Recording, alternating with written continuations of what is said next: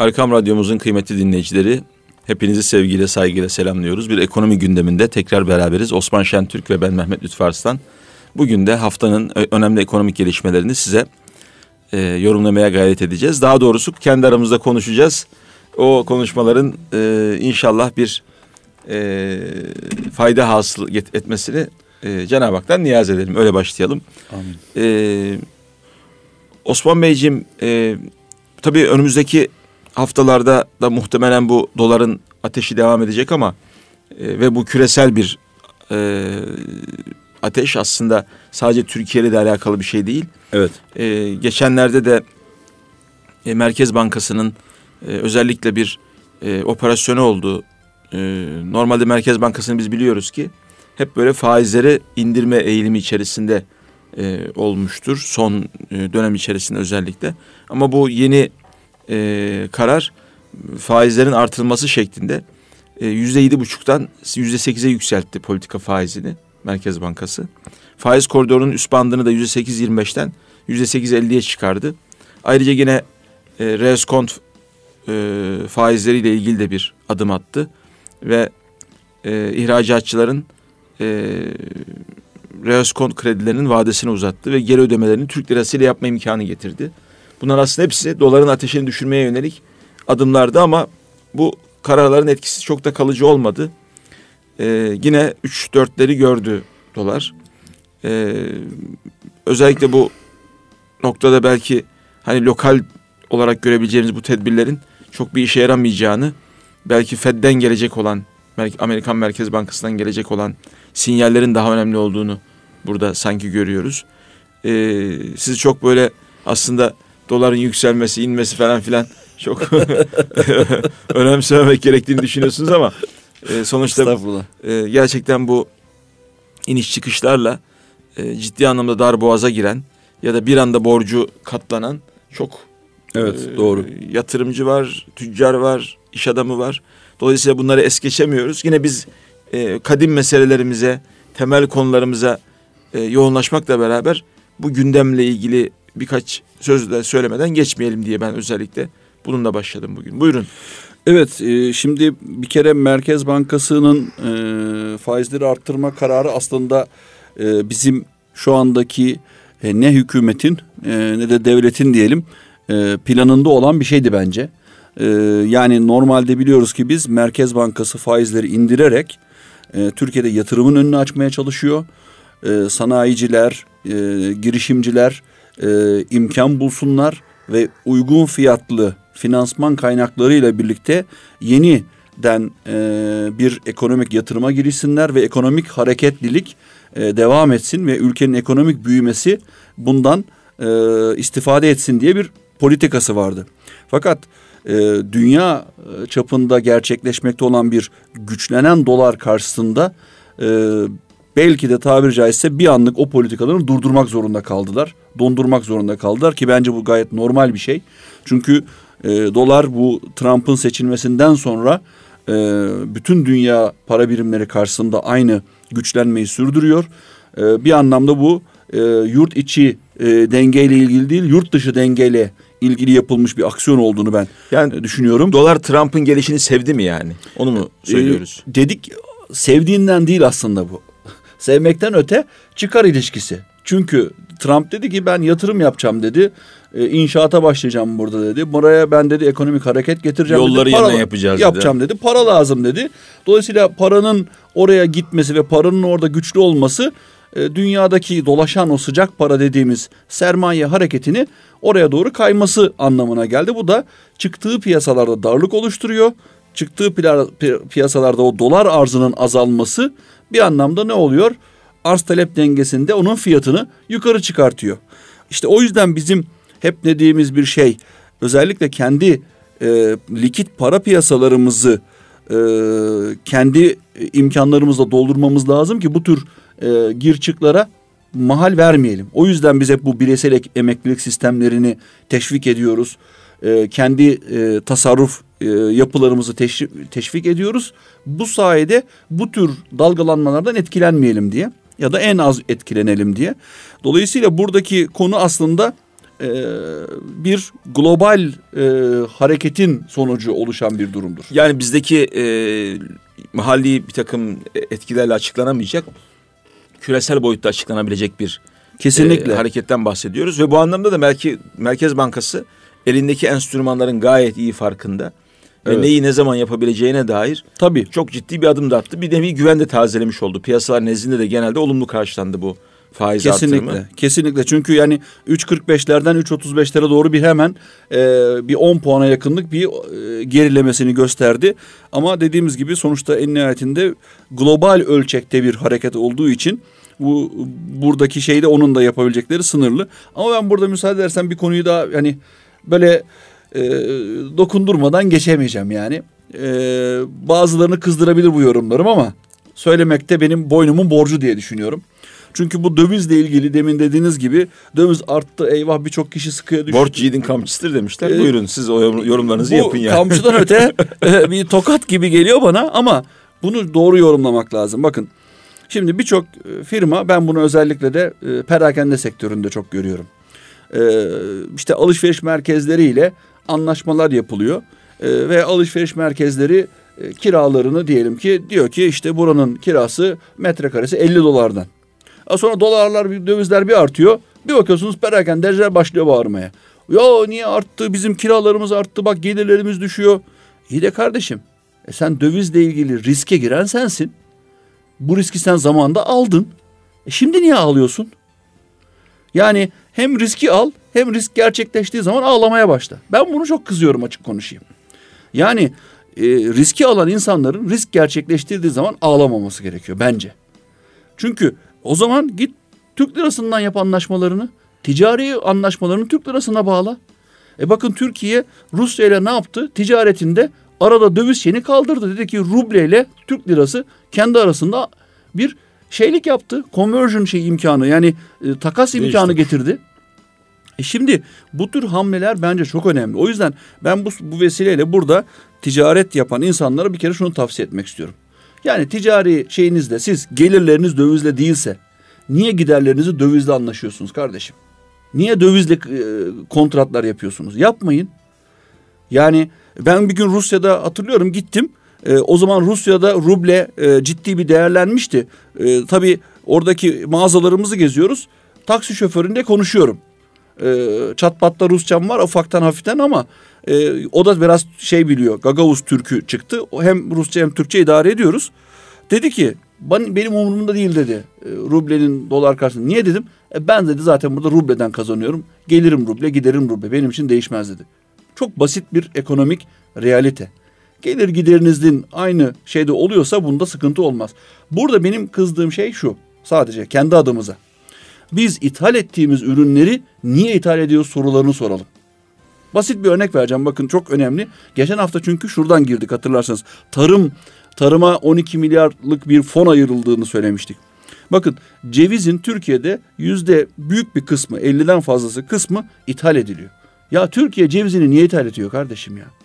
Niye kendisi üretemiyor? Şimdi ben buradan dolayı oluşacak cari açığın döviz karşısında bilmem ne değerlendirmesiyle ilgili hepimiz suçluyuz. Suçluyuz. Evet, evet. Şimdi bu e, Osman Bey bu şeyle ilgili de e, Merkez Bankası'nın bugüne kadar indirmesi gereken faizlerin e, aslında işaret ettiği faydanın bugüne kadar sağlanamadığı da bir gelen eleştiriler arasındaydı. Deniyor ki normal şartlar altında faizin indirilmesi paranın fiyatının düşürülmesi anlamına gelir. Paraya talip olan yatırımcının da dolayısıyla bunu bir şekilde ucuza temin edip yatırım yoluna gitmesi buradan sağlanmış olur. Ama bu böyle olmuyor diyorlar. Tam tersi ithalat artıyor. Cari açığın artmasına biz vesile oluyoruz. Yani tam da dediğiniz gibi üretime değil tam tersi işte bir takım evet, böyle evet. İthal girdilerle e, bizim cari açımızı artıracak. Dolayısıyla da e, o Merkez Bankası'nın faiz indiriminden beklenen faydanın tam tersi ortaya çıkacak bir e, atraksiyon ortaya çıkıyor. Bu da neden kaynaklanıyor? Sizin dediğiniz gibi tembellikten, Kesinlikle. iş bilmezlikten ya da kolay para kazanma. Aynen kısa ee, vadeli düşünmekten. Evet, Bakın evet. yine benim yakın çevrem bilir. Ben bu aralar ceviz üretimine çok taktım. Çünkü çok önem veriyorum. çok Mesela ceviz e, tarımını Türkiye'de çok az yapıyoruz. Bakıyorsunuz sebebini bir araştırdım. Ne buldum biliyor musunuz? Bütün sebep şu. İlk beş yıl hiçbir meyve vermiyor ceviz. Beş yıl boyunca para harcamak zorundasın ona. Bakım yapmak zorundasın, gübrelemek zorundasın, sulamak zorundasın falan. Herkes istiyor ki o yıl verim alayım. Halbuki bu bir ağaç. Ama bu ağaç yetiştikten sonra 50 yıl, 100 yıl ekonomik ömrü olan bir şey. Şimdi o zaman biz niye bunların uzun vadeli yatırımlarını yapmıyoruz? Demek ki 5 sene kimsenin gözü almıyor Osman Bey. Yani işte burada bence bunu sorgulaması gerekiyor yatırımcıların. Evet. Gerçekten o tasarruf dediğimiz şeyle tabii ki insanlar yatırımlarını farklılaştıracak. Bir yıllık yatırımları olabilir, beş yıllık olabilir, on yıllık olabilir. Ama e, bunun getiri ve götürüsüne bakmak gerekiyor. O yüzden de, o geçen e, to, şeyimizde dinleyicilerimizle paylaştığımız bu ülke ekonomisinde yıllık bütçede tarımın destekleniyor olmasına sevinmemin sebebi bu desteklemeler bizim ithalatımızı düşüren şeyler. Hani şunu anlarım. Sizde bir teknoloji yoktur. Onun fabrikası yoktur bilmem ne. Yurt dışından ithal etmek zorundasınızdır. Ben buna karşı değilim. Ya, sakın kimse bunu yanlış anlamasın. Osman Bey acaba globalizasyona karşı mı çıktığı için mi? Hayır. Ama sen elinde yapabileceğin bir iş varken bunu niye başkasına bırakıyorsun? Benim tek altını çizmek istediğim yer burası. Yani burada e, siz madem bir girişimci hikayesi anlattınız veya daha doğrusu e, kendinizle ilgili bir şeyden bahsettiniz.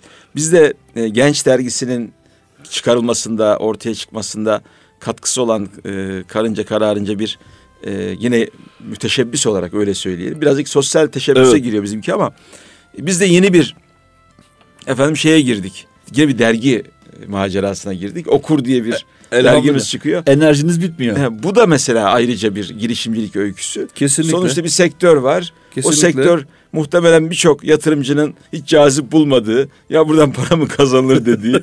hatta ben hiç unutmuyorum birkaç yatırımcıyla görüştüm böyle. Anlattım kendime göre dergiciliğin hikayesini. Nereden nasıl girdiler, çıktılar. İşte efendim bu iş feasible mı? Yani yapılabilir mi? E, bununla ilgili hesaplamaları birçoğunun yüzünün düştüğünü gördüm bir müddet sonra. Şimdi bir de şey vardır hani e, çok meşhur bir söz vardır. Bir yıl sonrasını düşünüyorsan buğday ek. 10 e, yıl sonrasını düşünüyorsan ağaç dik.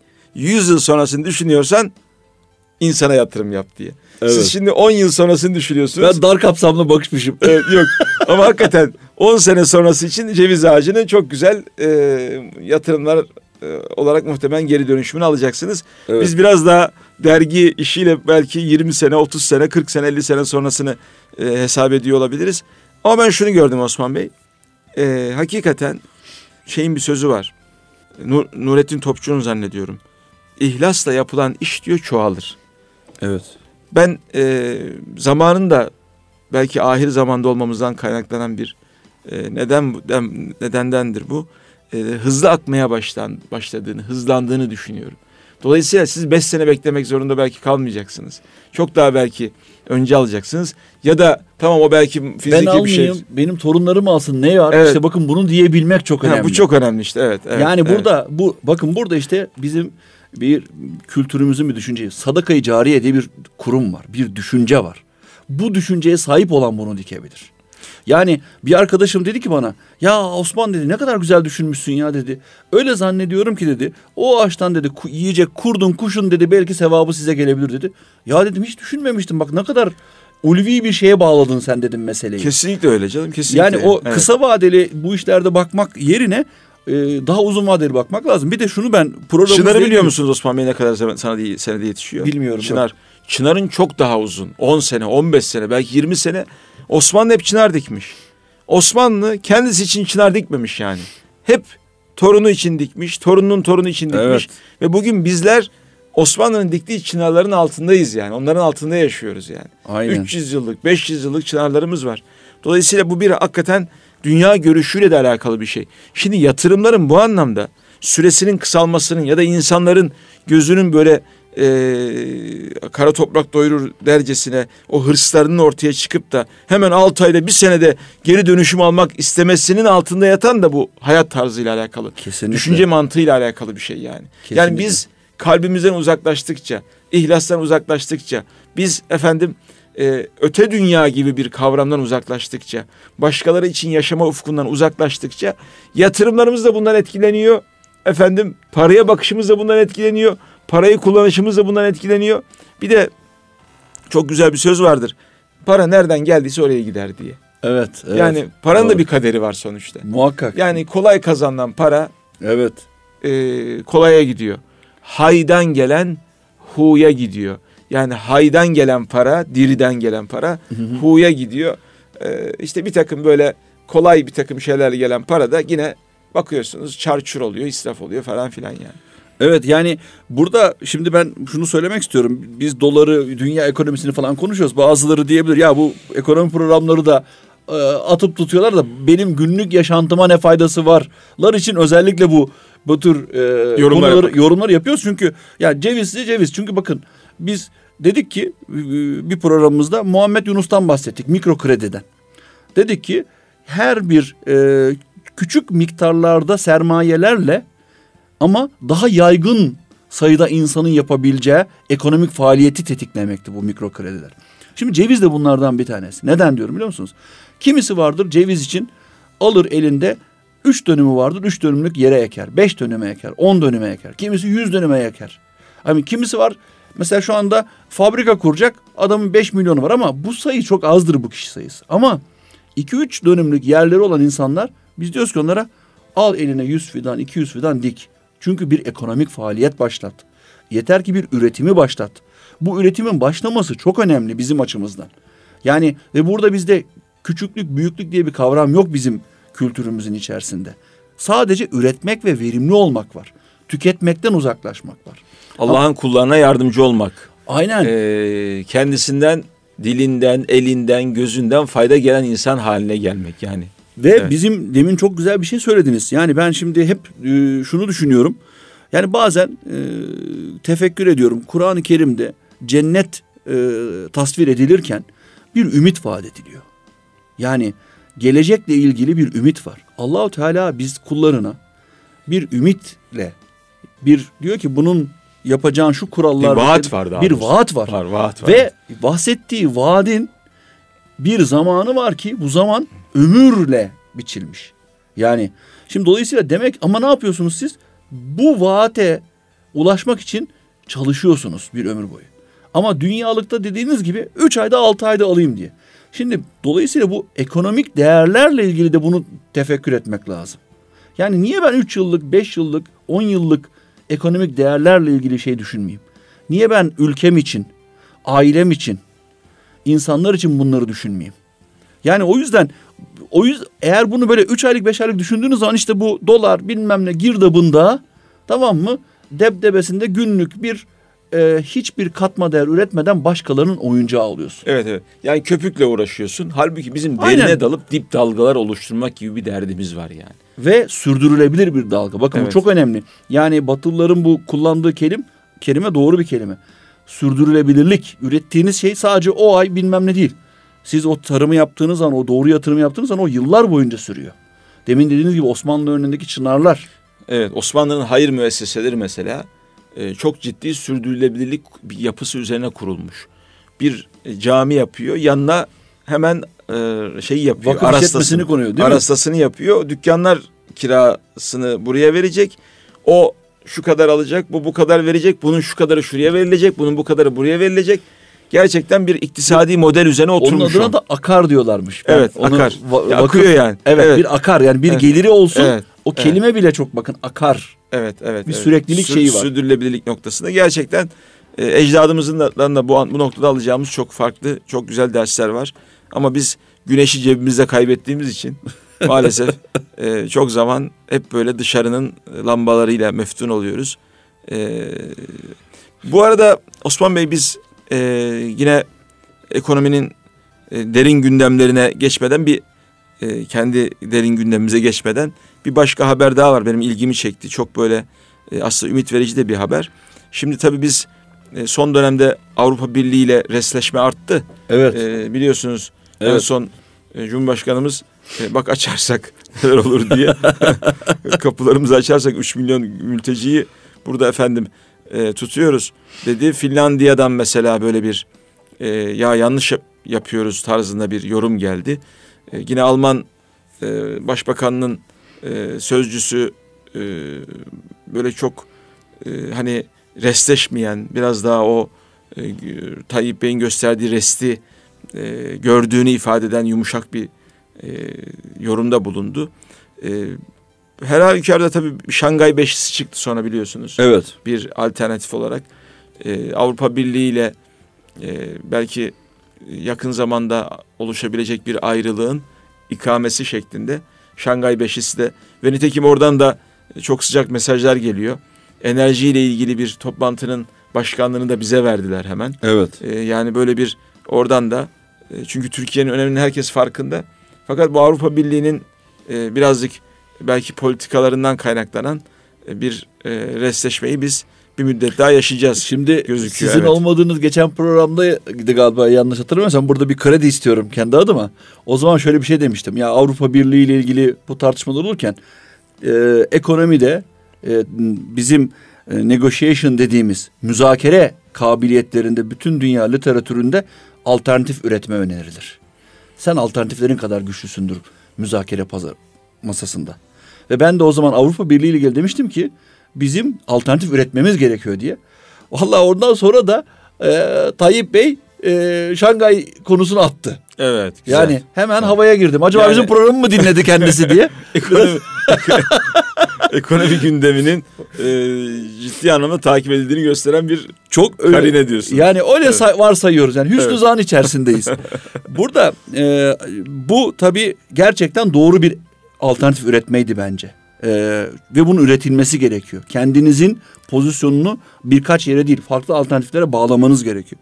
Ama ben şöyle bir yorumda bulunacağım. Benim gözümde Avrupa Birliği'nin şu son aldığı karar sembolik bir karardır. Yani yok hükmündedir dedi ya e, devletimiz. Çok doğru bir karar. Bunu neye benzetiyorum biliyor musunuz ben? Düşünün ki bir trafikte gidiyorsunuz.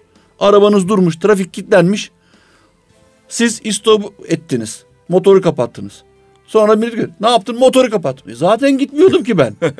Zaten ilerlemiyordu ki bu proses. Ya bu işi dondurduk. Lan neyi donduruyorsun? Zaten ilerlemeyen bir şey var ortada. evet. Yani istediğim kadar kontağı açsam ne olur? Ve burada bence e, ekonomik anlamda da bu söz hiçbir şey ifade etmiyor bana sorarsanız. Trafiği kilitlenmiş, trafikte bekleyen bir arabanın istop etmesi daha faydalıdır, enerji harcamaz. Evet. Tamam mı? Gereksiz yere mazot yakmıyoruz şu anda. Evet. Biz zaten mazot yakmayı bırakmıştık da onlar da en azından karşı tarafta böyle bir harekete girişmiş oldular. Ee, isterseniz bir ara verelim. Buyurun. Birazdan devam edeceğiz. Efendim ekonomi gündeminde biz e, Osman Şentürk Bey'le beraber ben Mehmet Lütfü Arslan e, biraz sonra tekrar beraber olacağız. Ekonomi gündeminde tekrar beraberiz. E, Osman Şentürk ve ben Mehmet Lütfü Arslan haftanın öne çıkan başlıklarını değerlendirmeye çalışıyoruz. İlk bölümde e, doların ateşinin niye bu kadar yükseldiğini, bunun küresel etkilere bağlı olduğunu e, konuşmaya başladıktan sonra Osman Bey klasiği olan gene üretim üreteceğiz, değer ortaya koyacağız şeklindeki o e, temel e, sözünü söyledi ki hakikaten onu alkışlıyoruz buradan. E, ne, ne yapıp edip sözü oraya bağlamayı başarıyor yani Osman Bey. E, Her programda bunu tekrar edeceğim. çok iyi. Bir de tabii bu arada bir haber de almış olduk ceviz yatırımcısı olduğunu. Artık e, beş sene midir onun geri dönüşümü? Ee, öyle söylüyorlar. Beş, Beş, yıldan sonra, sonra. cevizlere artık para vermeyeceğiz demektir yani. İnşallah.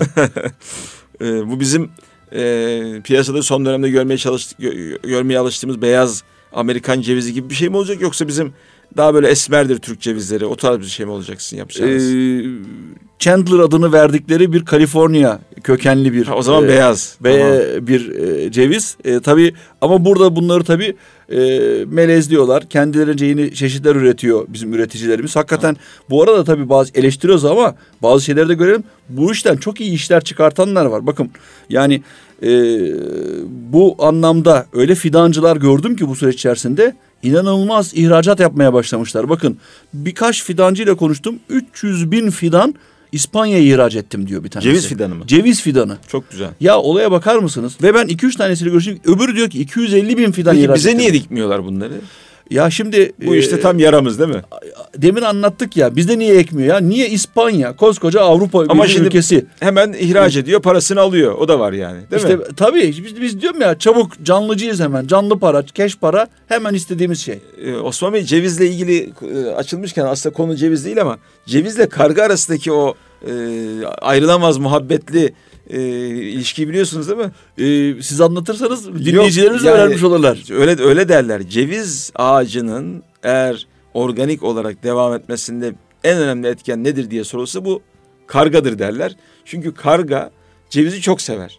Evet. Çalar Doğru. oradan buradan. Hatta geçen validenin e, böyle balkona koyduğu bir şey varmış bir ceviz.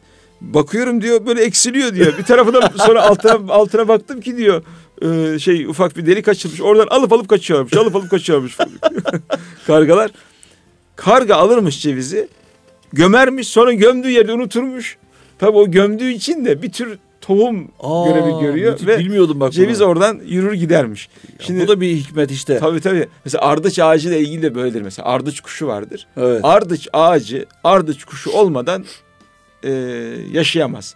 Ardıç ağacının tohumu normal şartlar altında yere düştüğü zaman ardıç ağacı vermiyor. Ne şart gerekiyor? Ardıç kuşu alacak onu. O tohumu yiyecek. Tabiri caizse ondan beslenecek. Sonra onu dışkılayacak. O dışkıladığı tohum ancak ardıç ağacının bitmesine vesile oluyor. Demek ki herkesin bir rolü var bu dünyada. Kesinlikle öyle. Yani, o mesela karga dediniz. Demek ki karganın da e, fidan olma ve fidanın taşınmada rolü var. Ama tabii bu işi yapan da nasipleniyor. Ben mesela bir gün e, onu seyrettim bir kargayı baktım. Karga bir şey alıyor yerden yukarı çıkıyor bırakıyor tekrar iniyor alıyor bir daha bırakıyor. Aa? Yaklaştım bir baktım ceviz. Kırmaya Meğerse çalışıyor. Kırmaya çalışıyormuş. Evet. Asfaltın üstünden 10 metre yukarı çıkıyor bırakıyor kırılınca yemeye çalışıyor. Ya şimdi bakın bu gene üretime bağlayacağım bunu. Karga bile yiyeceği şey için gayret sarf ediyor tamam mı? Onu çalışıyor ve onun bir bilgisini üretmiş. Gidip bunu toprağa bırakmıyor. Asfalta bırakıyor. Orada Evet, kırıldığını biliyor çünkü. biliyor evet. Ben de buradan bir e, yazıyla uğraşan birisi olarak şöyle bir ders çıkartıyorum Osman abi. E, diyorum ki eğer cevizlik sende istidadı varsa bir karga tarafından çalınmış olmana üzülme.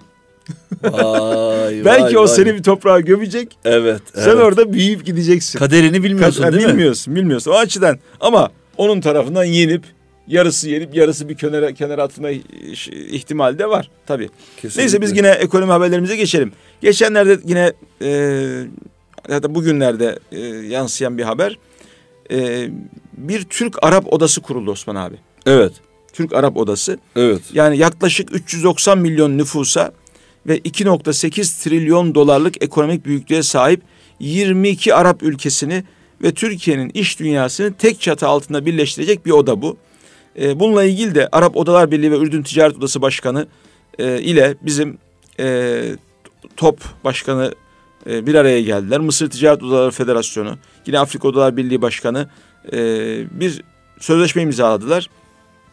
Ve bu çerçevede de gerçekten e, ticaret hacmimizin artması noktasında çok önemli bir adım atılmış oldu. E, buradan e, edindiğimiz bir haberden edindiğimiz bilgi son 15 yılda Arap ülkeleriyle Türkiye arasındaki ticaret hacmi 7,5 kat artmış ve 47 milyon dolara ulaşmış. E, yine o sürede Arap coğrafyasından gelen turist sayısı da 9 kat artmış. 3 milyona ulaşmış. Dolayısıyla bir cazibe unsuru, cazibe odağı haline gelmeye başladı e, Arap dünyası için. Özellikle 15 Temmuz'dan sonra da Arap dostlarımızın bize yönelik ilgisi arttı. E, belki bilemediğimiz farklı destekler de vardır. Onları Evet. da e, belki e, şey yapmak lazım. E, Yani burada hemen ben şunu söylemek isterim. Evet. Şimdi bakın e, özellikle şimdi bir perakendeci olarak o sektörün içerisinden çok iyi bildiğim bir şey bu. E, Arap e, turistlerin Türkiye'ye geliyor olması e, şu andaki perakende sektörünün en az belki yüzde on beş yirmisini biz onlara borçluyuz. hmm, Çok, büyük çok rakamlardan bahsediyoruz. Evet. Çünkü bunu nereden anlıyoruz? Ne zaman ki onların gelişiyle ilgili bir sıkıntı olduğu zaman bir bakıyorsunuz alışveriş merkezlerinin ciroları yüzde on beş yirmi oranlarında düşüyor. Ve cidden artık perakendeciler bundan etkileniyor. Ee, bunu şuradan da biliyoruz. Özellikle e, işte tekstil perakendesi gibi Türkiye'nin üretici olduğu alanlarda Türkiye çevre ülkeleri içerisinde çok fiyat avantajlı bir konumda. O yüzden e, Arap turistler Türkiye'ye geldiklerinde bunları ciddi bir şekilde alışveriş yapıyorlar. Ve Türk ekonomisine nakit para koyuyorlar ve bunun güzelliğini biliyor musunuz? Bunlar kaçan sıcak para değil, içeride kalan para bu. Evet. Bu çok önemli bir şey ve bunun rakipleri kim derseniz bunun rakipleri Avrupa. Yani Avrupa'da turistik bugün Paris vesaire gibi yerler e, yani ekonomik değer olarak aslında turizm dışında e, çok daha güçlü değiller. Turizm onların ciddi bir gelir hali. Bugün giderseniz Paris'e sokaklarına gezerseniz zaten gezenlerin yarısının turist olduğunu göreceksiniz. Veya dışarıdan pompalanan bir para. Bana sorarsanız Avrupa Birliği aslında bu e, dışarı açılımları kapatmaya çalışarak en, en çok onları kendilerine vurur. Eğer bu turistleri kaçırırlarsa kendileri bunun sıkıntısını çekerler. Biz ise şunun faydasını görüyoruz. Bu Avrupa şey Arap dünyasının Türkiye ile olan hemhal olmasının artması bize ekonomik olarak destek getiriyor. Şimdi o işbirliği odalarının kurulması ile ilgili iki laf söylemek istiyorum. Şimdi aslında birileriyle insanların bir araya gelmesi, istişarede bulunması, onların birbirleriyle iletişime geçmesi yeni sinerjileri doğuruyor. Sinerjilerin doğması için bu istişarelerin yapılması lazım. Gidip gezilmek lazım. Ee, yanlış bilmiyorsam hadis-i şerif hani yeryüzünün büyük bir şekilde yaratılıp oraların gezilmesinin, rızkımızın aranmasının tavsiye edilmesinde bir hikmet var. O hikmetin ben bu istişareler ve sinerjinin aranması olarak kendi adıma yorumladığım oldu. Tabi burada hadis alimlerimiz Osman ekonomi programında şey yapmaya başladı. Bazen hadislerle ayetler de karışabilir. Yani yeryüzünü dolaşın tarzında ifadeler var Kur'an-ı Kerim ayetlerinde. Ee, ee, biz bunu, yine oraya girmeyelim. ben onu şuna bağlamak için söyledim burada. Yani bu Türk Arap Oradası'nın kuruluşunu bu anlamda müspet karşılıyorsunuz. Bütün her tür işbirliklerini. Bunu sadece Türk Arap diye bakmamak lazım. Burada, İnanın bana e, Türk Tayvan da olabilir bu. Evet. Türk Japon da olabilir. Türk Çin de olabilir. Ama bu işbirlikteliklerinin sinerji arayışlarının devam etmesi lazım. O yüzden de mümkün olduğu kadar yani ticari faaliyette bulunan insanların seyahat etmesi lazım. Evet. Yani tarihi perspektiften bakıldığı zaman da mesela bizim e, bu Endülüs'ten kaçan Yahudilere yönelik hatta onunla ilgili 500. yıl vakfı diye bir vakıf kurulmuştu daha sonra. Hı hı. O süreçte o Yahudilere yaptığımız e, misafirperverlik, kapıları açışımız aslında bir tür e, nitelikli insan kaynağına, yükte hafif pahada ağır e, mala sahip o insan kaynağına yapılan bir yatırımdı. Nitekim onlar gelir gelmez sarrafiyeyi işte efendim küçük e, zinet e, eşyalarıyla olan ticareti falan canlandırdılar. Yani yine aynı şekilde mesela Yavuz'un e, tarih içerisinde en önemli e, hani nedir Yavuz'un tarihteki rolü diye bakıldığı zaman özellikle e, Mısır, İran ve o e, alt Hint kıtasına yönelik bir operasyon içerisine girmiş ve Safevi devletiyle karşı karşıya gelmiş. Yine Memlüklerin belki tarih sahnesinden çekilmesine vesile olacak bir hareket yapmış. Bunların peki altında yatan nedir diye bakıldığı zaman aslında e, Ümit burnunu geçip de çünkü Osmanlı bir Akdeniz gölü haline gelmiş. Da, aff affedersiniz Akdeniz bir Osmanlı gölü haline gelmiş. Artık o klasik e, geleneksel e, İpek yolu dediğiniz e, İpek yolundan e, seyahat mümkün olmuyor.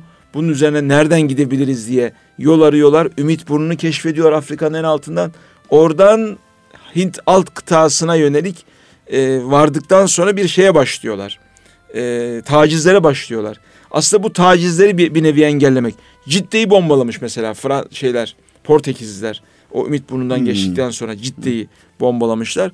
Dolayısıyla Yavuz'un aslında e, o e, bugün belki en kangren gibi göre, gör, göreceğimiz o e, gerek Kürt sorunu, gerek e, ümmet sorunu, gerekse efendim e, o mezhep sorununu e, çözebilecek hamlelerinin aslında altında yatan temel sahip o ticari e, belki yolların kontrol altına alınmasıydı yani. Şimdi buradan ya bu tarihi perspektif böyle olmuş. Bunu söylemeye çalışıyorum. Burada Türk Arap Odası Ticaret Odası'nın kurulmasıyla ilgili turizmle ilgili bir bahis açtınız. E, turizmin hani bir takım gelmeler gitmeler yapma, yapmak lazım. Çok güzel. Şunu da yapmak lazım sanki. Yani Arap turist geliyor ve geldiği zaman işte belki çok daha cazip fiyatlarla gelen e, Avrupalı turistten çok daha iyi paralar bırakıyor. Doğru, doğru. Bunların Kesinlikle. hayat tarzına uygun çözümlerin arttırılması, geliştirilmesi gerekmiyor mu Osman Bey? Bakın bunu zaten bizim müteşebbislerimiz yapıyorlar hiç merak etmeyin. Yani yaptıkları ürünlerde işte kolları biraz daha uzun e, tunikler üretiyorlar. Onların seveceği renklerde Bu arada üretiyorlar. geçen bir yemekler şey- üretiyorlar. Tam tam sözünüzü balla kestim. Bir e, tekstil firmasının muhafazakar reyonu diye açık gördüm yani. Adını da koyuyor artık muhafazakar reyon. Tabii çünkü müşteri kitleleri burada ekonominin temel kuralları müşteri kitlesinin beklentilerini karşılamaktır. Müşteri böyle bir kitlen varsa o kitleye özel iletişimini de yapmak zorundasın ki o kişi kitle sana gelsin. Senden bunu talep etsin. Ee, dolayısıyla bu e, bu ekonomik hareketin oluşması için şart. Ama senin demin söylediklerinden ben başka bir şey tetiklendim. Onu unutmadan aklımda hemen aktarmak istiyorum. Yani bu e, bahsetmiş olduğun seyahatler, ülkeler arası e, ekonomik savaşlar gitti geldiler. ve bunun içerisinde bilgi savaşları da var. Yani ve hatta sadece savaş olarak da bakmayın bilgi transferleri dedik demin konuşurken. Şimdi ben size bir demin gene cevize bağlayacağım işi tilki usulü.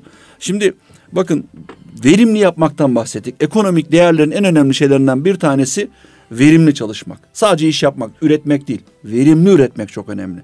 Şimdi demin konuşurken bana sordunuz ne cevizi dediniz? Chandler dedim. Biz bunu nereden almışız? Amerika'dan almışız. Amerika'ya gitmişiz. Kaliforniya'daki cevizi getirmişiz. Niye getirmişiz? Bizim Türkiye'deki ürettiğimiz işte kaman, şebin diye e, çeşitler var. Bunlar bir ağaç başına atıyorum 5 kilo verirken bunlar 10 kilo veriyor. Aynı ağaç. E şimdi ben aynı işi yapacağım. Aynı emeği harcayacağım. Aynı toprağı vereceğim. İki kat Ama kazanacaksın. İki katı kazanacağım. E ben niye o zaman bunun daha iyisini bulmayayım? Yerli ceviz diye bir sıkıntı yok. Niye yok? Ben fidanını getiririm onu dikerim kardeşim. Bu Yer- Allah'ın arzı. Evet. Ben burada mühim olan doğru bilgiyi, sinerji derken bunu kastet. Yerli ve milli ceviz olsun diye uğraşmayalım diyorsunuz. Yani. Onu hemen getirelim, mil- millileştirelim. millileştirelim bir Çantlara o şey. zaman bir ad bulalım hemen. Ondan sonra da bunun iç verim oranına bakıyorlar. Kırıyorlar içinden. Ondan çıkanda da verim oranları fazla. Bunun dünyanın neresinde böyleyse. Hemen şimdi size bir anımı paylaşacağım. Allah rahmet eylesin. Sizinle ortak tanıdığımız bir abimiz vardı. Fahrettin Tivnikli Bey. Allah gani gani rahmet eylesin. Allah ondan razı olsun. Bizim üstümüzde hem Lütfü Bey'in hem benim üstümde çok büyük emeği vardır. Onun hakkını ödeyemeyiz. Bizler için baba mesabesinde bir insandır. Bu vesileyle de birer Fatiha da isteyelim e, dinleyicilerimizden. Gerçekten e, öyle. Allah razı olsun kendisi. 1998 yılıydı yanlış hatırlamıyorsam. Ben e, Amerika'da öğrenciyim. O da Kansas'ta yapılmakta olan bir Dünya Buğday Kongresi'ne geliyor. Türkiye'den işte 20 kişilik bir değirmenciler topluluğuyla birlikte e, benden de rica etti onları gezdirmemi. Ben de o konuda onlara eşlik ediyorum ve Kansas'a gittik. E, ziyaret yerlerinden bir tanesi de Kansas Üniversitesi'nin buğday yetiştirme ile ilgili fakültesi. Bir gittik. Dediler ki size dediler buğday e, üretim, buğday tohumu üretim çeşitlerini göstermek istiyoruz. Çünkü Amerika'nın meşhurdur şu anda. HRV, Hard Red Winter diye onların isim verdikleri. Soft Red Winter böyle çok meşhur şeyleri vardır. Çeşitleri vardır, güçlüdür, işte soğuğa dayanıklıdır, verimi iyidir falan. Ve dünyaya ihraç ederler bakın. Amerika bir buğday ihracatçısıdır. Evet. Herkes zannediyor ki sadece teknoloji üretiyor. Hayır, ihracatçısıdır. Derken başladık tarlaları gezmeye. Tarlaları geziyoruz işte yazıyor da HRV'nin ilk döllemesi, HRV'nin eski şeyi, 1980'deki vor- versiyonu, 1970 falan filan geldik geldik geldik bir tane şeye geldik. Bir baktık bir sıranın önünde Türkiye yazıyor. Türkiye. Dedik bu ne? Güldü adam. Bu dedi bize dedi Türkiye'den Anadolu'dan getirilmiş buğday dedi. Ne dedik bunun özelliği? Bu dedi HRV var ya dedi. Onun ilk döllemeleri bunun üzerine yapıldı dedi. Allah Allah.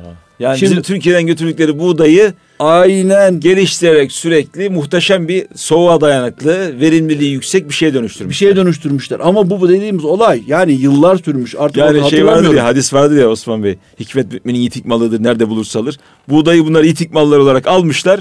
Ve ama oradaki tarihte bakın yanlış hatırlamıyorsam o tarlanın önünde bir de onun orijinalini de hala tutuyorlar ve her yıl orijinalini ekiyorlar. Hmm. Sonra o orijinalinin yanında dölledikleri, onların yeni hazırladıklarını bir daha ekiyorlar. Bir daha geliştirip ama bir yandan da orijinalini koruyorlar. Anayı, ana şeyi koruyorlar. Ana, Ana- prototipi. A- Evet onun altında da yanlış hatırlamıyorsam 1870'ler falan gibi rakamlar vardı. Biz bütün böyle heyecanlandık yani düşün Türkiye'den e, değirmenciler hayatı buğday olan insanlar bakıyorlar ya dedelerinin bu, buğdayı Amerika'nın buğdayı olmuş. Önünde resimler çektirdik. Anadolu'da falan. buğday kalmış mıdır sizce? Tabii ki canım yani kalmış mıdır ben kastediyorum. Yok ama o da değişiyor sonuçta. Ya tabii bir Şu, şu şey olarak değişiyor. Yani yapay bir takım böyle gübrelerle onun asli mecrasında illaki vardır, duruyordur. Bizim de bu arada çok güzel çalışmalarımız var. Ben onu çok yabana atmayalım. Üniversitelerimizin çok güzel çalışmaları var. Ama bu yani son artık belki 10 yıllarda 20 yıllarda olduğunu ben gözlemledim. Ama benim burada altını çizmek istediğim şey şu. Demin konuştuğumuz yere bağlayacağım. Ticari olarak gezmek, öğrenmek, bilgiyi almak, sinerji oluşturmak, kendime verimli hale getirmek dediniz ya oraya bağlamaya çalışıyorum bunu. yani kolay para kazanmaktan vazgeçip Evet. hakikaten hem insanlığa faydası olacak hem tarihe faydası olacak hem kendisinin kulluk muradına faydası olacak üretim biçimleri ve yöntemleri üzerine uğraşmak gerekiyor. Değil mi Osman Bey? Yani Böyle- biz böyle dövizi bilmem ne tartışacağımıza bu üretimleri vermemleri tartışmamız lazım. Peki, Ben tamam. gene klasik şeyime bağlayayım. Tamam, ben yine dersimi almış olayım. Efendim biz e, Erkam e, radyomuzda ekonomi gündeminde böyle e, dolardan girdik cevizden çıktık buğdaya bağladık en sonunda. Buğdaya bağladık, tarıma bağladık. evet. Gelecek hafta Cuma günü yine 7'de buradayız 19'da. E, hepinizi e, Allah'a emanet ediyoruz efendim. Teşekkür ediyoruz. Allah'a emanet olun. Üretim ve tarıma devam inşallah.